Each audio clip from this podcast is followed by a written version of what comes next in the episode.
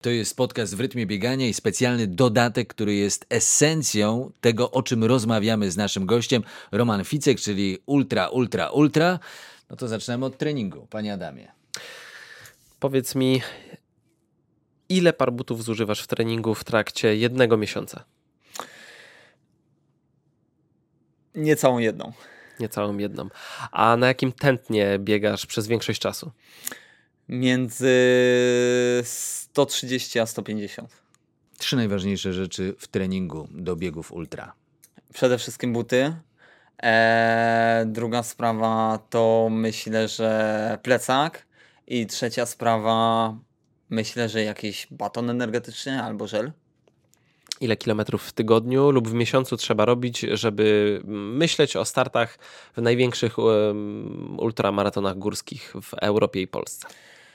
Myślę, że taka granica między puf, tych 80 a 120 km to już robi robotę. Tak bliżej tych 100-120 to już naprawdę jest świat. A twój maksymalny kilometraż jaki wykonujesz w tygodniu? Y, to dochodzi do 200, ale to już bardzo rzadko w tym, w tym roku dochodziło. A ile kilometrów w taperingu przed zawodami?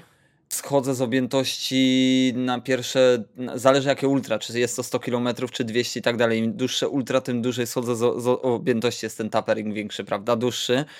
Więc jeżeli te 100 km staram się sobie tak 3 tygodnie przed zawodami, 3-4, więc pierwsze dwa tygodnie 75% robię mhm. tego, co robiłem, a potem schodzę tak na 65 i ostatni tydzień, dwa tygodnie to jest tak 50% tego wszystkiego.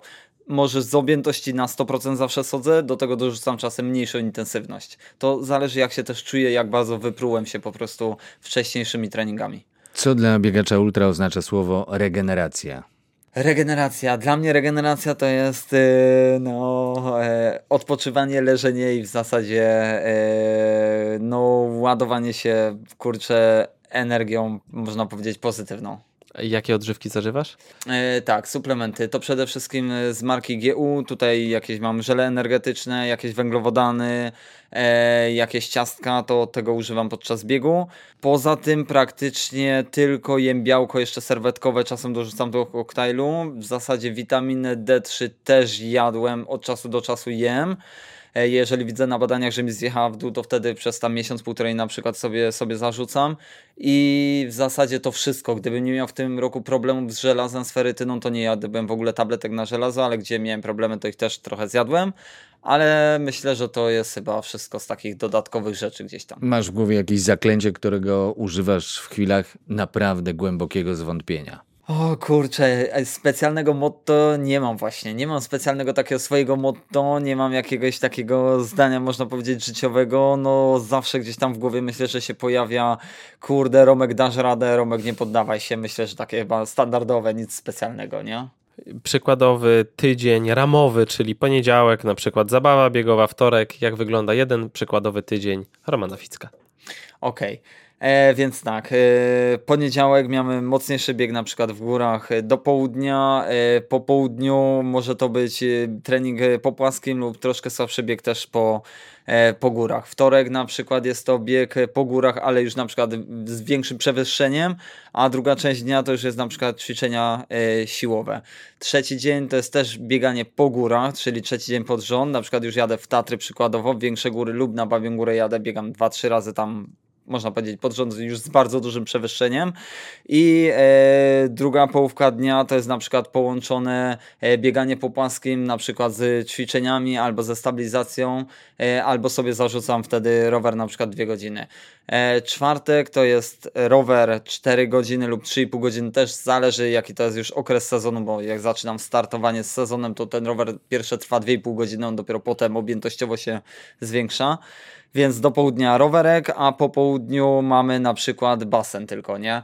Kiedy to jest piątek, robię sobie mocny trening po płaskim, na przykład tempóweczkę w, w specjalnej strefie po prostu i wieczorem jest to już na przykład bieganie też po górach, na przykład połączone z ćwiczeniami, 10 km po górach plus na przykład ćwiczenia, prawda? Albo mhm. samo bieganie po górach, to też zależy jak z czasem. No i sobota to jest długie, e, długie e, wybieganie. No. To też każdy, też każdy trening, tu jeszcze wspomnę, ma y, swój, swoją strefę tętna. To nie jest tak, że każdy bieg robię na tętnie 130. Ten jest mocniejszy, ten jest słabszy, ten jest taki, ten jest taki, ten ma więcej przewyższeń, ten ma mniej. No każdy trening jest, można powiedzieć, różny, prawda? O ile rozmiarów powinny być większe buty biegacza ultra? Tak, żeby o. nie maltretował stóp. Tak, na, myślę, że dopiero w tym roku doszedłem do tego, więc yy, jak na początku miałem 42, normalnie mam buta, prawda? Cho, yy, dochodzenia normalnego, codziennego. Na początku miałem buty 43, 1 trzecia, stanowczo za mało. Myślę, że dwa numery to minimum. Teraz mam dwa numery, dwa i dwie trzecie, więc ponad 2,5 numera większe.